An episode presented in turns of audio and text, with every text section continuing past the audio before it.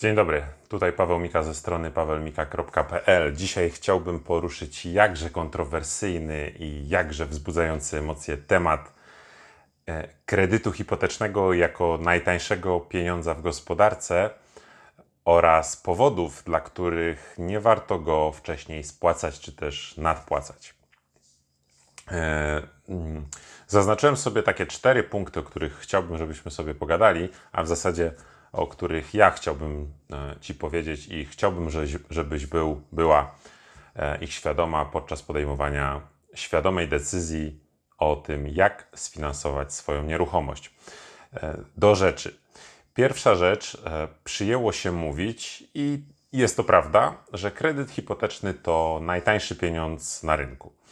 Co to właściwie oznacza? No, e, na rynku kredytów hipotecznych dzisiaj, czyli w roku 2021, możesz spotkać oferty z przedziału od 3 do 6% e, oprocentowania rocznego przy założeniu, że kredyt będzie na dwadzieścia kilka, trzydzieści lat.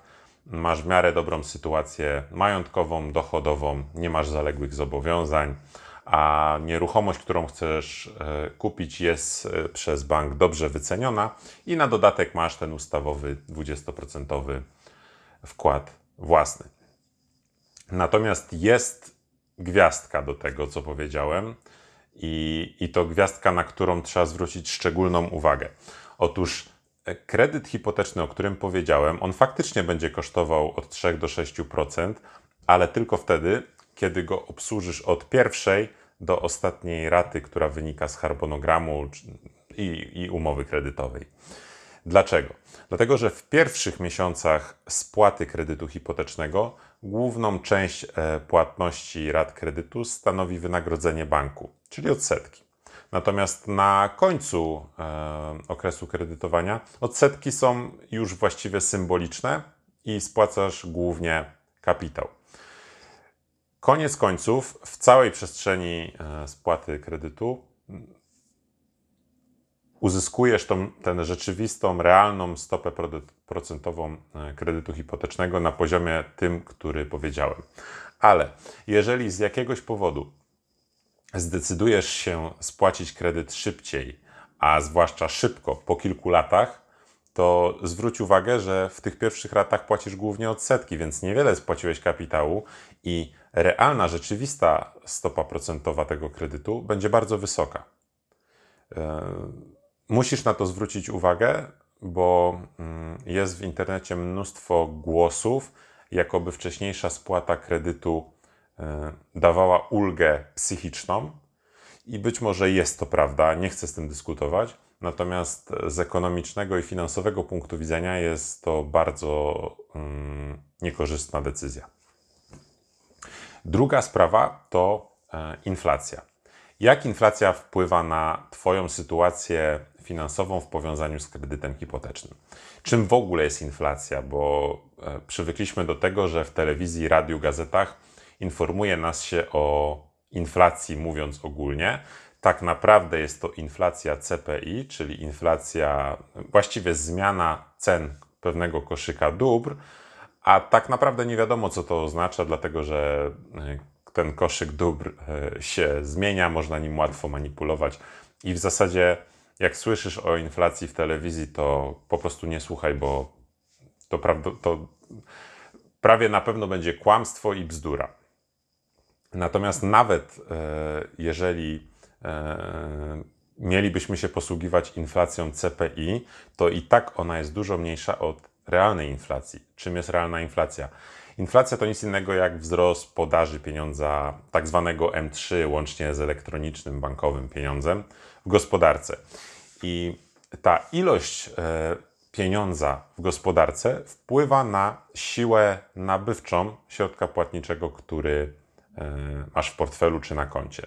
No bo jest prosta zasada, jeżeli czegoś jest więcej, to jego cena przy podobnym popycie spada. I podobnie jest ze środkiem płatniczym.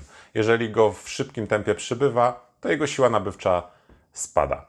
E, przez ostatnie 20 lat, mniej więcej od roku 2000 do 2020, mniej więcej do marca, czyli do czarnego łabędzia, który do nas przypłynął, podobno z Chin, średnioroczna inflacja była mniej więcej na poziomie 9%, czyli co roku ilość środka płatniczego w gospodarce zwiększała się o około 9%. To i tak jest bardzo dużo, ale w roku 2020 i 2021 e, jeszcze znacznie wzrosło to tempo i w tej chwili wynosi kilkanaście e, procent w skali roku. No i jak to się ma do Twojego kredytu? Otóż generalnie inflacja sprzyja dłużnikom, czyli e, sprzyja zadłużonym. Generalnie spłacając raty dzisiaj za 10 lat i za 20 i za 25 i w 30 roku, spłacasz je w podobnej wielkości, bo one nominalnie będą porównywalne. Może trochę spadną, może trochę wzrosną, zależnie od stóp procentowych, ale generalnie siła nabywcza środków płatniczych, którymi regulujesz to zobowiązanie, będzie coraz niższa. Czyli de facto będziesz spłacać swoje zobowiązanie coraz tańszym pieniądzem. I to jest dla Ciebie korzystny efekt, który jest bardzo często mm, pomijany w tego typu rozważaniach. Punkt trzeci to stara finansowa, inwestycyjna prawda, że kapitał własny jest najdroższy.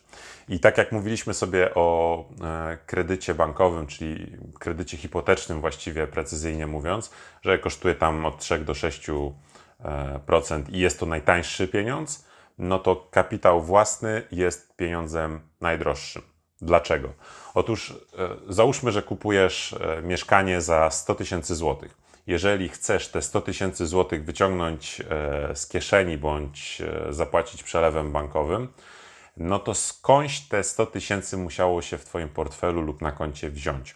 Jeżeli pracujesz na etacie, to można śmiało przyjąć, że połowę Twoich dochodów Mm, to są podatki. E, tak po stronie pracodawcy, jak i Twojej. E, pseudoubezpieczenia społeczne, czyli mm, wszystkie e, pozycje, które zarówno Twój pracodawca, jak i Ty odprowadzasz do ZUS-u. Ale na tym przygoda z podatkami się nie kończy, bo przecież od konsumpcji płacisz podatki. Każdy produkt i usługę, którą kupujesz, jest obarczony tak podatkiem VAT, jak i podatkiem dochodowym. Nie mówiąc już o wszelkiego rodzaju opłatach, akcyzach, opłata paliwowa, akcyza w alkoholu, e, opłata za przejazd autostradą. To wszystko są podatki i opłaty, które e, suma summarum składają się na Twoje opodatkowanie. I jakby tak to policzyć, to pewnie realne opodatkowanie Mm, kogoś o przeciętnym wynagrodzeniu w gospodarce e, pewnie sięgnęłoby 80-90%. Można przyjąć tak roboczo, że e, załóżmy, że nie skupiamy się na tym VAT-ie i podatkach od konsumpcji, tylko samym podatku dochodowym i składkach ZUS, e, że tak naprawdę, żeby odłożyć 100 tysięcy złotych, no to musisz 200 tysięcy E, zarobić, czyli wytworzyć w dobrach lub usługach, które coś, ktoś od ciebie będzie chciał kupić. No i czwarty punkt e, to zasadność w ogóle, zasadność narzędzia, jakim jest kredyt hipoteczny do finansowania zakupu nieruchomości. Jeżeli już zapadła decyzja, że kupujesz nieruchomość, no to oczywiście potrzebujesz narzędzia, żeby taką pracę wykonać i taki cel zrealizować. Masz na stole wiele narzędzi i generalnie nie chciałbym się wdawać w dyskusję na temat e, moralności narzędzi, tak jak nie chcę określać, czy nóż jest dobry, czy zły, tak samo nie chcę określać, czy kredyt w tym przypadku hipoteczny jest dobry, czy zły, bo to nie należy, no bo to nie jest kwestia moralna. To jest narzędzie. Kredyt hipoteczny jest tylko i wyłącznie narzędziem. W jaki sposób go użyjesz i do czego? No tu już jest decyzja po Twojej stronie. Jeżeli Twój cel jest rozsądny, czyli kupujesz nieruchomość za e, dopasowaną do Twoich możliwości finansowych cenę, e, zakładasz sposób finansowania, który nie będzie nadmiernie obciążał Twoich przepływów pieniężnych, miesięcznych, masz poduszkę finansową, która w razie czego zabezpieczy cię przed jakimiś takimi zawir zawirowaniami, które kolejny czarny łabędź może spowodować, to kredyt hipoteczny chyba jest najlepszym narzędziem do realizacji tego celu, jakim jest zaspokojenie potrzeby mieszkaniowej poprzez kupno nieruchomości i sfinansowanie jej zakupu kredytem mieszkaniowym, hipotecznym. Dzięki, że byłeś dzisiaj ze mną w tym materiale. Jeśli masz pytania albo chcesz wyrazić swoją opinię na temat e, tej sprawy, komentarze są do Twojej dyspozycji. Dzięki, cześć.